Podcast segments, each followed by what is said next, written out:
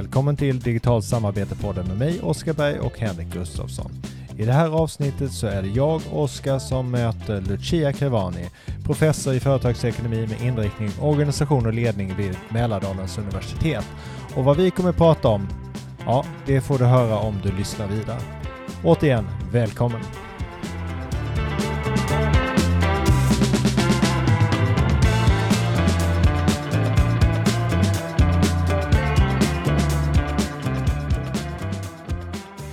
Jag kom i kontakt med dig, Lucia, eh, för första gången egentligen. Vi har träffats en gång tidigare i verkligheten 2019 eh, och det var ju när jag hjälpte er med, ni var ju då Mälardalens högskola och nu är ni universitet och jag hjälpte er med införande av Teams och eh, börja med nya digitala arbetssätt kring samarbete då, och mycket kring digitala möten. Och sen har det hänt en hel del sedan dess. Vad är dina personliga reflektioner från den här tiden som gått när det gäller eh, pandemin, distansarbete och så vidare? Har du någon sån här spontan kommentar kring det? Ja, men jag tycker att eh, i alla fall när det handlar om uh, den svenska kontexten så att säga där mm. man inte stängde ner samhället så att säga, så som, som man har gjort i andra länder och därmed så att säga har man kunnat fortsätta arbeta som vanligt mm. fast, fast hemma. Så, att mm. så där det inte handlar om att kombinera liksom att ta hand om barn och jobba samtidigt. I och med att den delen har det liksom uteblivit kan jag tycka ändå att det, det har gått förvånansvärt bra. Vi själva på Mälardalens universitet gick över på typ tre dagar och mm, började ja. undervisa helt digitalt. Vi hade själva en konferens som vi skulle arrangera som på en vecka ställde vi om till en digital konferens ja, i mars när det blev tydligt att um, det här skulle mm. bli ett stort problem för samhället. Så att säga.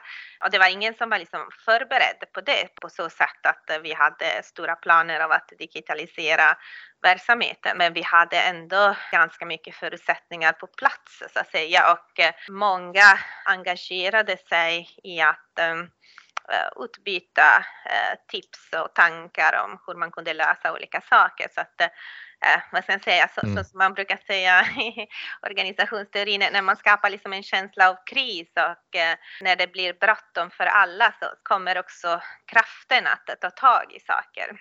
Inom högskolesektorn vi hade en, en Facebookgrupp som, som blev rätt så stort ganska direkt där alla eh, kom in med, med, förslag kring hur man kunde göra olika saker och det, det blev verkligen en resurs för, för många för att kunna uh, göra så bra jobb som möjligt under omständigheterna. Det är liksom mycket man har lärt sig och uh, åstadkommit på kort tid. Sen, sen ibland kanske går det för fort och man, har inte ja. Så det är inte bara positivt, men i alla fall uh, det visar att det är möjligt att förändra en del saker.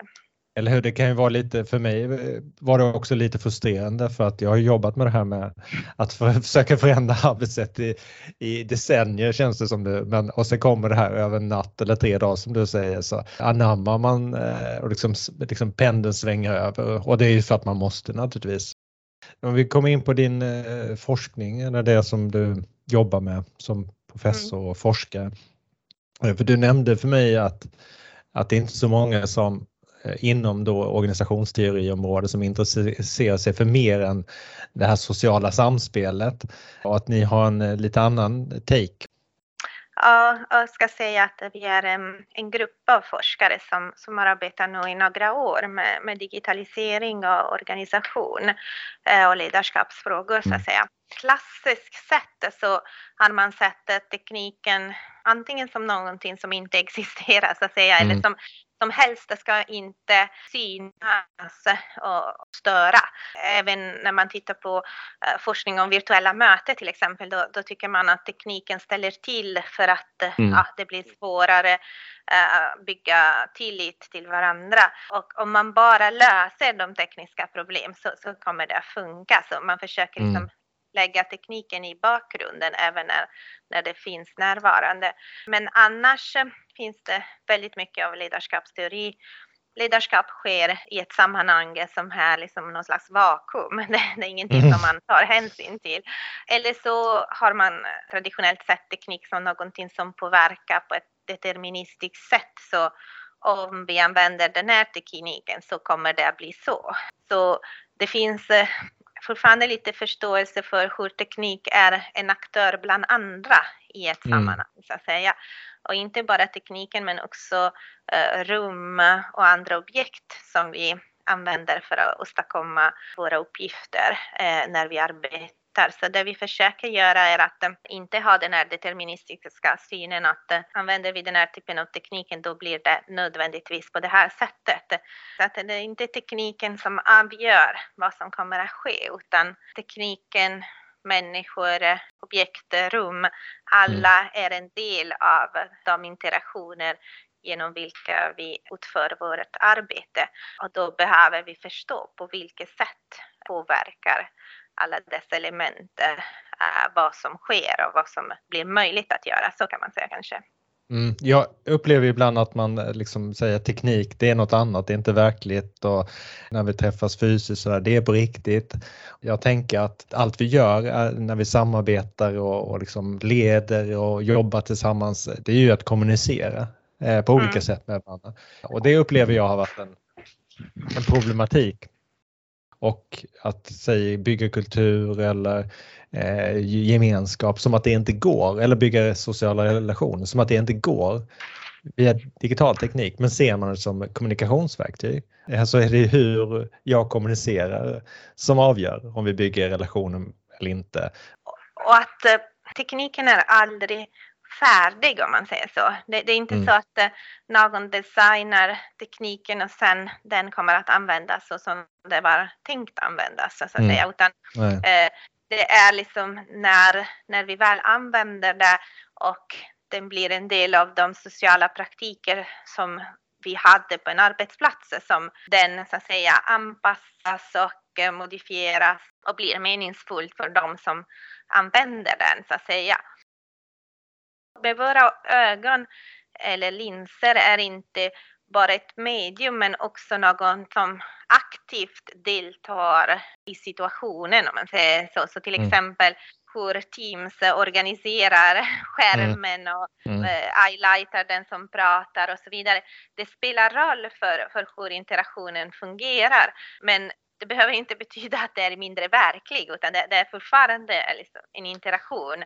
Det är bara att det sker på annat sätt och eh, vi har inte riktigt koderna och eh, traditionerna och normerna kring den typen av interaktion. Mycket liksom behöver bestämmas och diskuteras mm. och så vidare. Så det kan vara svårare i och med vi vi är inte vana, vi har inte etablerat några sätt att föra oss och eh, hantera olika situationer så att säga. Men samtidigt är det också en öppning för att det, det är ingen som var speci speciellt glad med hur vi hade våra fysiska möten innan. Även om de skönmålas ofta idag, ja. att det var fantastiska möten vi hade.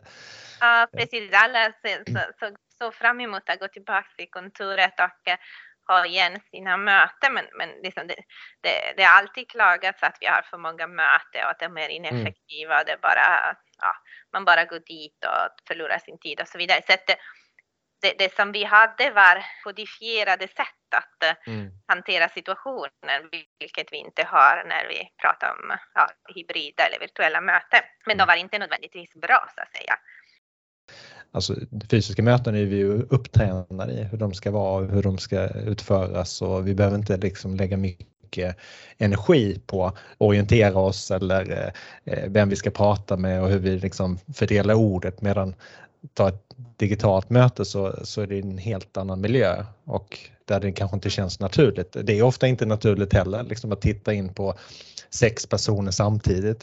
Nej, jag tänker att vi har en tanke om att titta på virtual reality till mm. exempel. Mm. Och vad händer om vi flyttar våra möten i, i en virtual reality-miljö där vi kan gå närmare eller längre bort från olika personer och eh, vi kan göra saker tillsammans med våra händer också.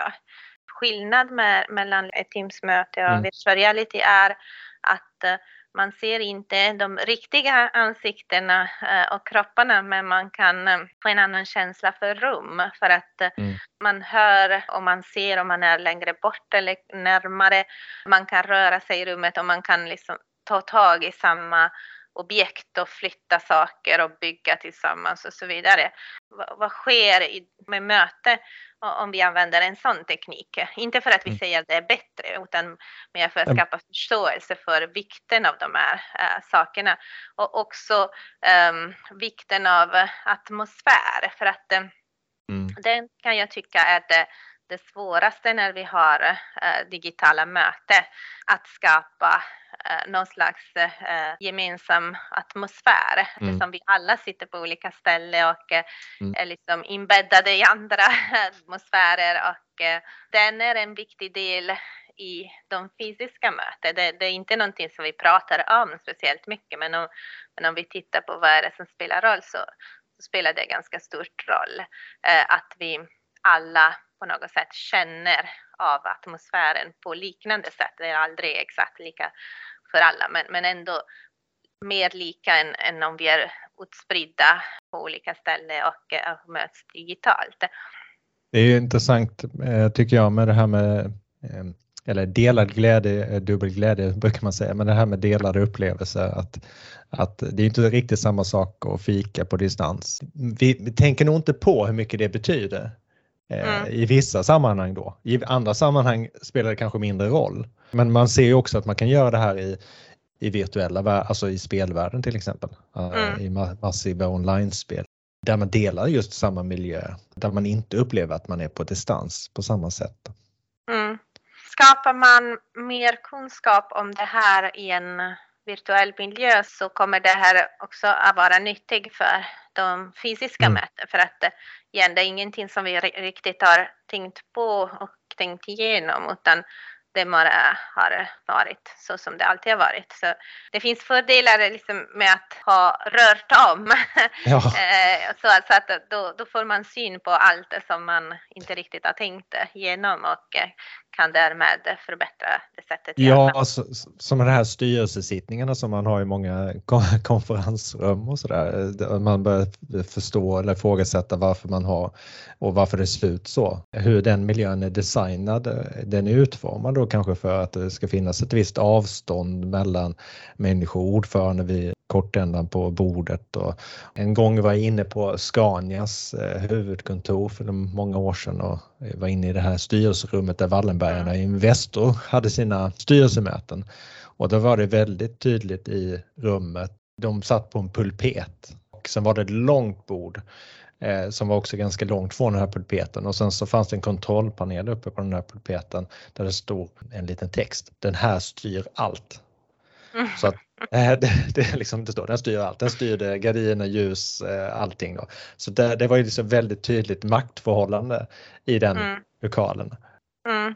Ja, just det styrelserummet är också vissa organisationer har man märkt till exempel att eh, både bord och stolar är ganska höga. Så en man mm. kvinna och i snitt lite kortare än mm. de män som var kanske mm. tänkta från början att sitta mm. där så, så kommer man inte riktigt ner med fötterna. Så jag vet en organisation, jag ska inte nämna vilken, men där de hade faktiskt sågat ner eh, stolarna och bord så att eh, alla kunde sitta och känna sig bekväma i situationen åtminstone. Så det som kommer med arvet så att säga, som, som inte ifrågasätts om det inte händer någonting sådär som, som nu har hänt med, med pandemin och eh, som ja. har tvingat folk att tänka om lite.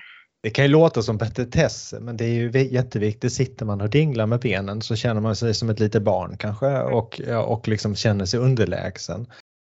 Men jag tänker också att det visar liksom dubbelheten i, i möte på något sätt. Vi, vi har möte för att uh, vi är beroende av varandra och uh, vi tänker att vi behöver träffas för att kunna etablera någon, någon slags gemensam väg framåt där i, i de bästa fall eh, man är lyhörd och kan förändra sin eh, mm. attityd eller tankarna som, som man kommer in med, i möte med. Mm. Men samtidigt är det också ett sätt att kontrollera och eh, etablera auktoritet mm. och så vidare för att, ja, igen, om man, om man ska röra sig framåt åt något håll där såklart olika agendor och, man kanske inte är riktigt beredd på att släppa sina uh, prioriteringar och så vidare. Så att uh, möten mm. har alltid haft den här dubbla funktionen av ja, inkludera och uh, föra ett samtal så att vi kan använda kompetenser och kunskaper på, på bästa sätt, men också en maktutövning mm. där ja, med olika medel, bland annat hur rummet är organiserat så att säga skapas maktskillnader och eh, om någon lyckas kontrollera någon annan. Så det är igen samma sak när, eh, vad gäller de här frågorna när man går till digitala möten så plötsligt är spelreglerna inte riktigt lika tydliga så det kan kännas som att eh, det kanske är svårare att komma framåt och hitta det gemensamma men det är också svårare att eh, återskapa maktskillnader på samma sätt. Och det blir andra egenskaper, det passar kanske andra eh, personlighetstyper och så vidare. Pratar man möten där man jobbar företrädesvis i, med, röst och, men, men jobbar tillsammans med digitala whiteboards med chatt och så vidare, då, då blir det andra kvaliteter som, eh, som blir viktiga. Till exempel hur man kommunicerar och då passar det vissa bättre än andra. Jag har haft mycket workshops och, och då har det ofta varit så att när man ska ha en workshop med medarbetare så får, det, dels är det en fråga om chefen ska vara med eller inte för att det ska bli liksom en öppen atmosfär. Men ofta vill man ju ha det här workshopen på ett annan plats mm. än kontoret. Och det är ju lite intressant. Då ofta säger man att ja, för att vi ska kunna fokusera. Men det kan ju vara andra saker som sitter i, mm. liksom, att, att till exempel har man medarbetare som inte normalt sett går till det här kontoret utan de är fältarbetare någonting. Då, är, då hamnar de i ett eh, underläge gentemot tjänstemännen och cheferna som har det här som sitt hem. Inom forskningen vi brukar prata om eh, liminal spaces, så mm. det är rum eller platser som tillhör varken det ena eller det andra. Det är liksom mm. platser där det inte appliceras samma regler och samma förväntningar som eh, i den vanliga platsen man har på en organisation. Så de forskare som har tittat på de, de typen av möten som man har, till exempel om man ska jobba med strategi eller liknande saker och, och varför liksom man flyttar sig till ett annat ställe är också för att klippa bandet så att mm. säga med, med det ordinära och vardagliga och eh, alla de begränsningar som finns i det och eh, öppna en, en lite friare eh, plats där man kan gå lite utanför eh, de, de vanliga tankar man annars har.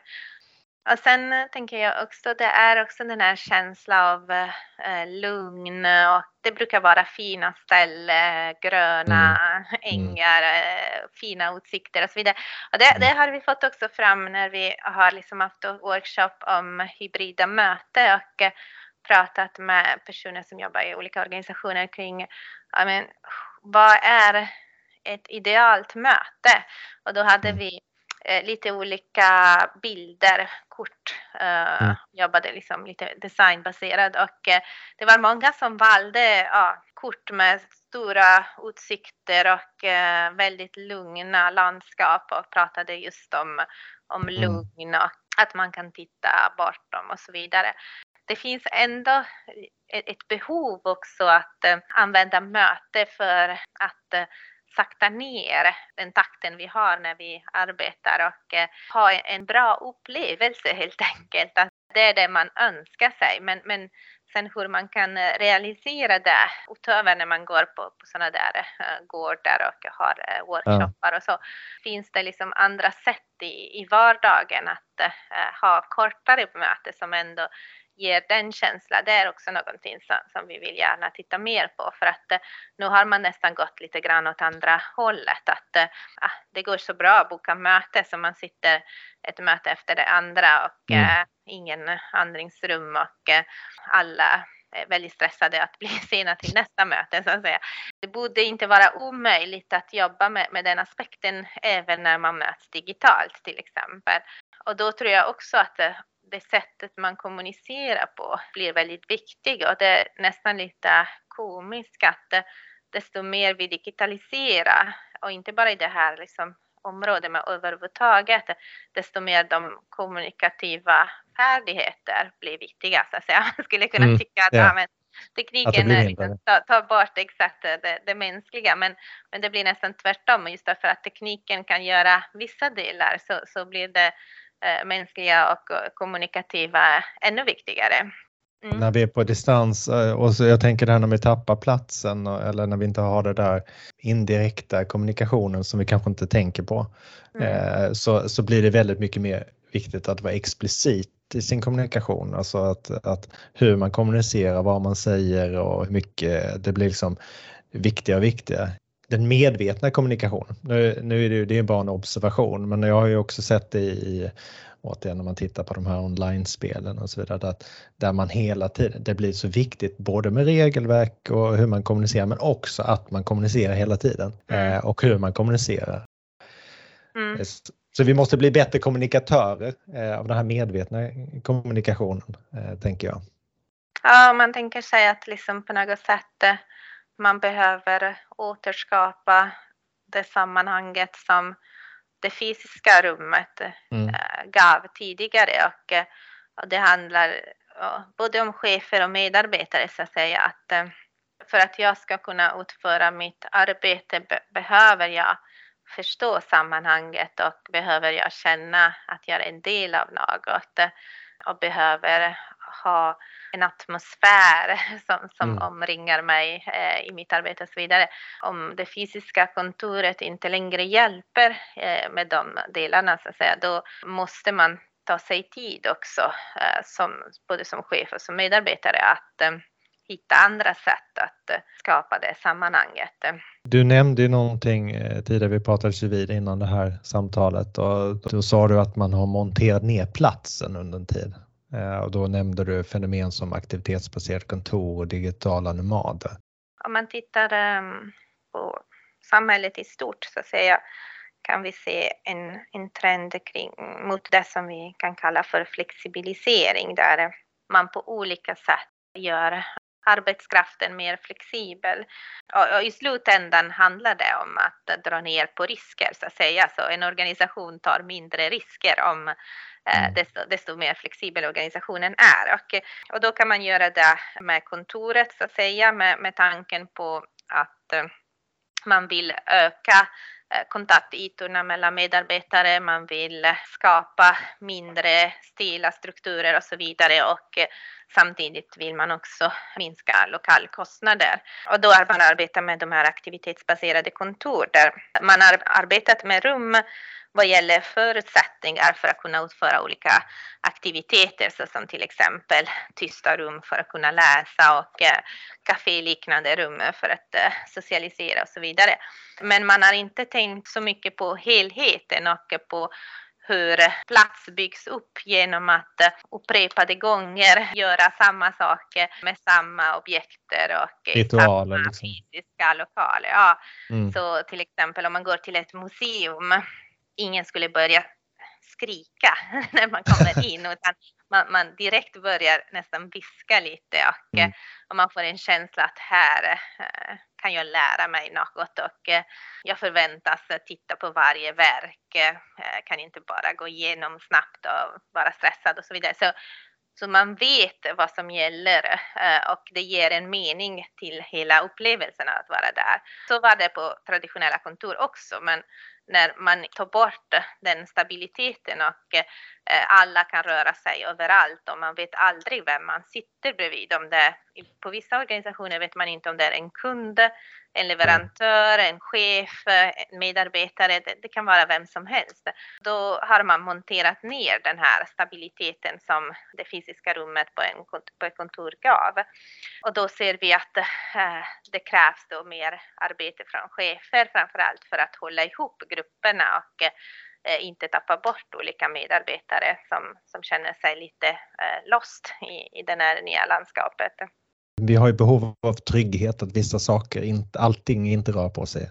Steve Jobs minns vi hans eh, polotröja och det finns liksom en, en, kultur där bland dem som är eh, beslutsfattare har väldigt mycket att fatta beslut om i en snabbrörlig värld. Att de vill inte fokusera på onödig förändring eller variation utan de har liksom en trygghet. Sätt på mig samma kläder varje dag, ät samma sak till lunch varje dag så jag kan lägga min energi på andra saker, det som, det som är viktigt och, och, man kan tänka, jag, jag brukade också jobba från kaféer, så att säga till exempel. Men det, det, blir en skillnad när man sitter på ett café, då vet man att det är ett café. Då, då vet man liksom koderna, då vet man det där bruset i bakgrunden som för några skapar lugn och så vidare. Men en aktivitetsbaserad kontor är varken eller. Det är, liksom, det är inte ett café för att det, det finns fortfarande som sagt, det kan vara en kund som sitter bredvid. Jag kan inte säga vad som helst. Eh, och det finns inte den här bruset som kommer också från vad vet jag, ungdomar som sitter där och pluggar och andra som gör annat. Utan det är fortfarande kontor. Det är bara att det är inte längre en tydlig plats. Det, det, är en blandning av massa olika element som inte har stabiliserats genom ritualer eller andra saker utan det är en potpourri av olika saker så att säga som, som, inte riktigt eh, blir meningsfullt än i alla fall för att vi, vi har inte använt dem så länge. Men Nej. det är också det du säger, så att säga, man kan också gå till grunden för all organisering för att varför vi har en organisation därför att eh, inte behöva skriva avtal med varandra varenda gång vi behöver göra något.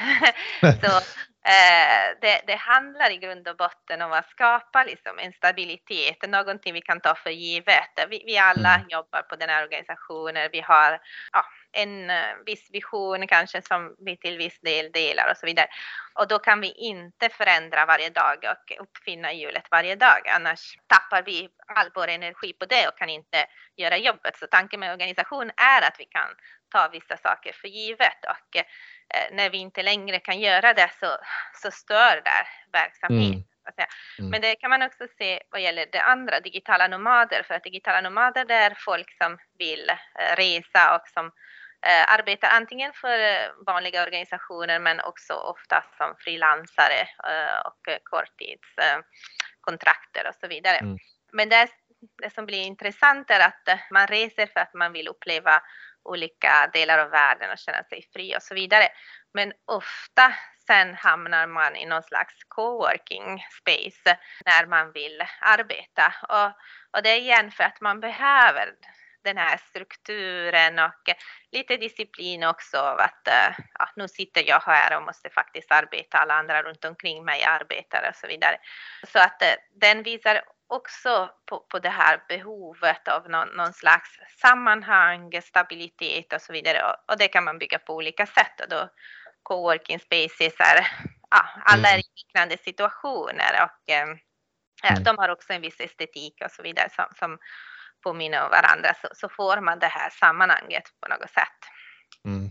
Det finns ju ett uh, uttryck som används uh, flitigt det här work is not a place, it's something you do. Jag gillar ju varianten work is not a place, it is a mindset. Mm. Man kan ju vara på samma plats men gå från att göra en fritidssyssla eller något hemarbete till att jobba men då måste man ofta ha hjälp också mm. att förflytta sig till det här mindsetet. Det, det måste ju spela roll eh, med platsen men man måste inte ta sig till ett kontor.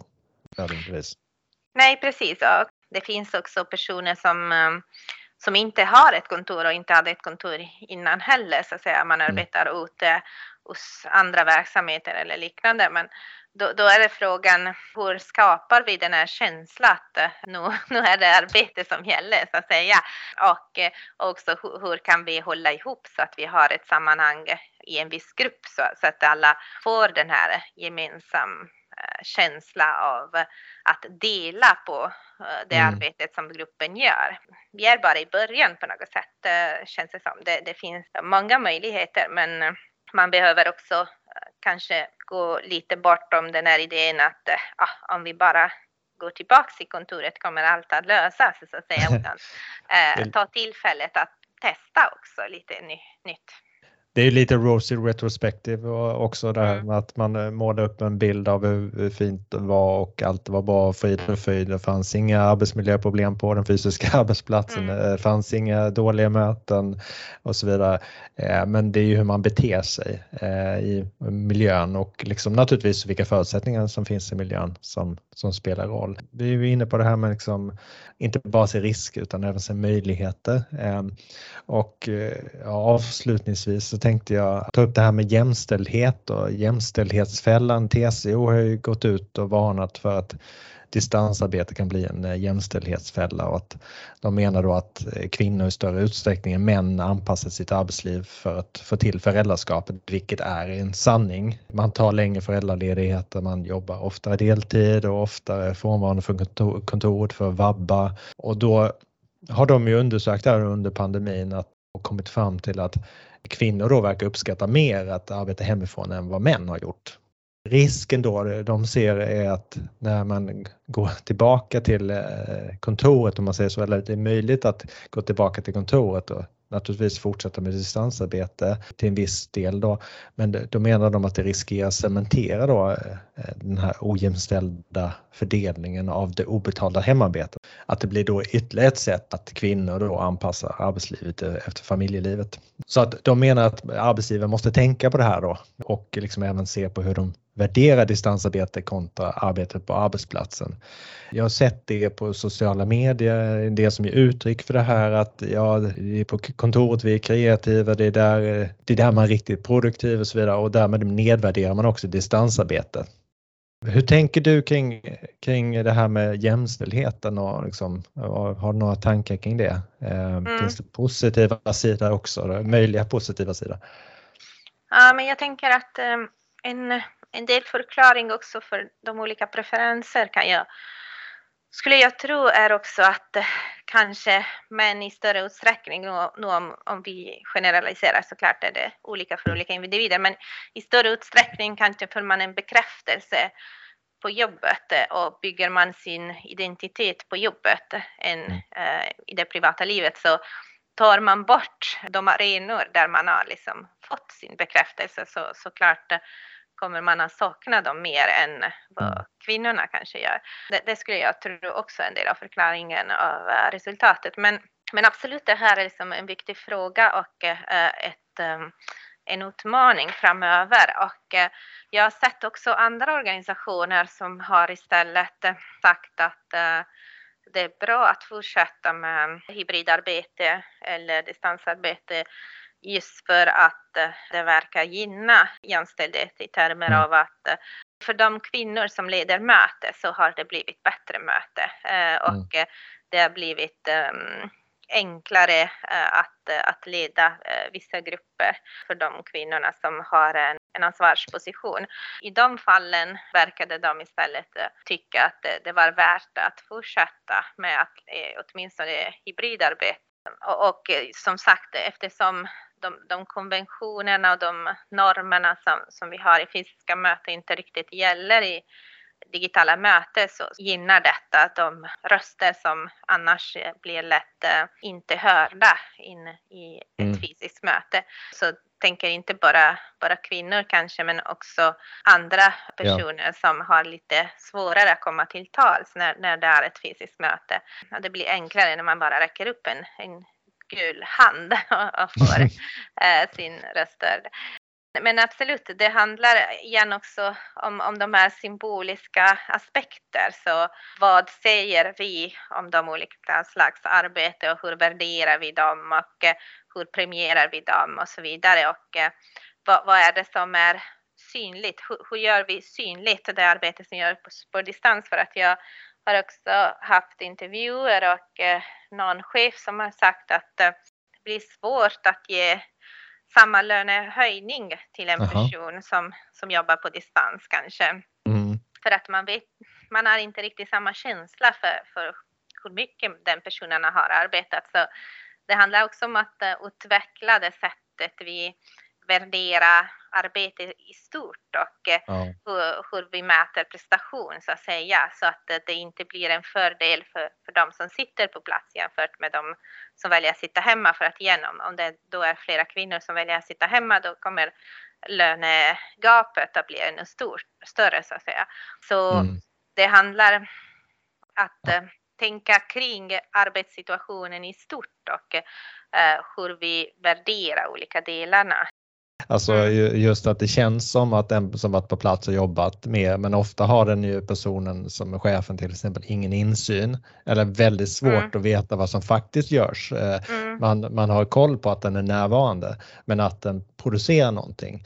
Mm. Det, det, är inte säkert, utan det är ju mm. en gammal rest från det löpande bandet på något sätt där man kunde se arbetet och hade, för hade man medarbetarna på plats och, och kunde man se arbetet och kombinationen av närvaro och hastighet blev produktivitet mm. och man kunde se då produktiviteten. Men idag kan man ju inte det på många, i många yrken och i informations och kunskapsarbetare. Då. Att synliggöra arbete kommer ju vara nyckeln tänker jag. För då blir det inte en känsla det här baseras på. Det är hemskt mm. om lönesättning baseras på en känsla mm, och inte mm. faktisk prestation. Mm.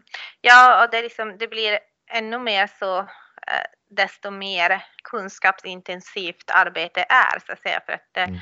desto mindre chefen kan faktiskt avgöra eh, om det är bra kvalitet eller dålig kvalitet på, på det som utförs, om det är mycket eller lite och så vidare.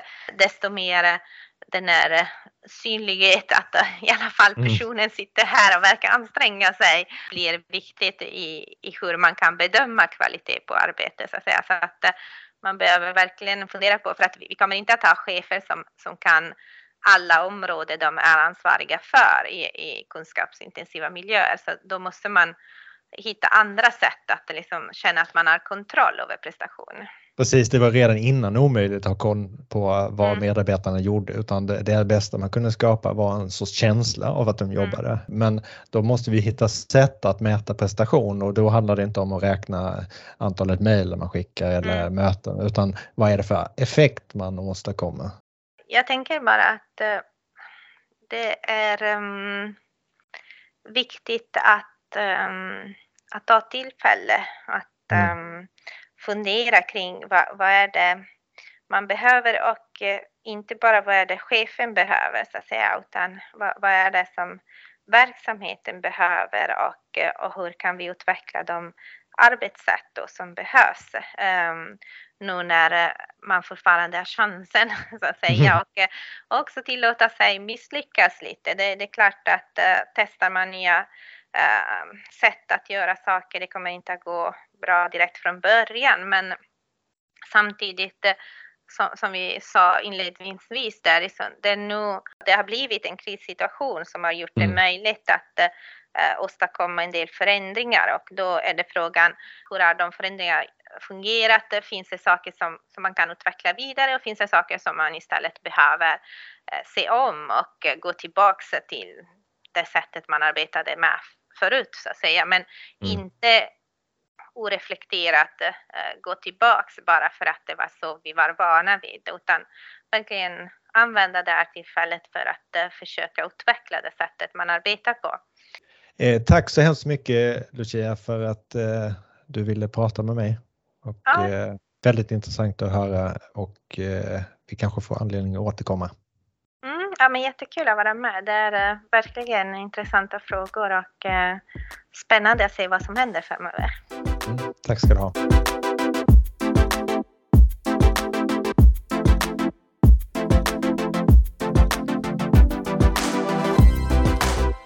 Vi tackar Lucia Crevani, professor i företagsekonomi vid Mälardalens universitet för det här intressanta samtalet och vi hoppas att även du tyckte att det var intressant och att du vill komma tillbaka och lyssna på vår podd igen. Tack för att du lyssnade.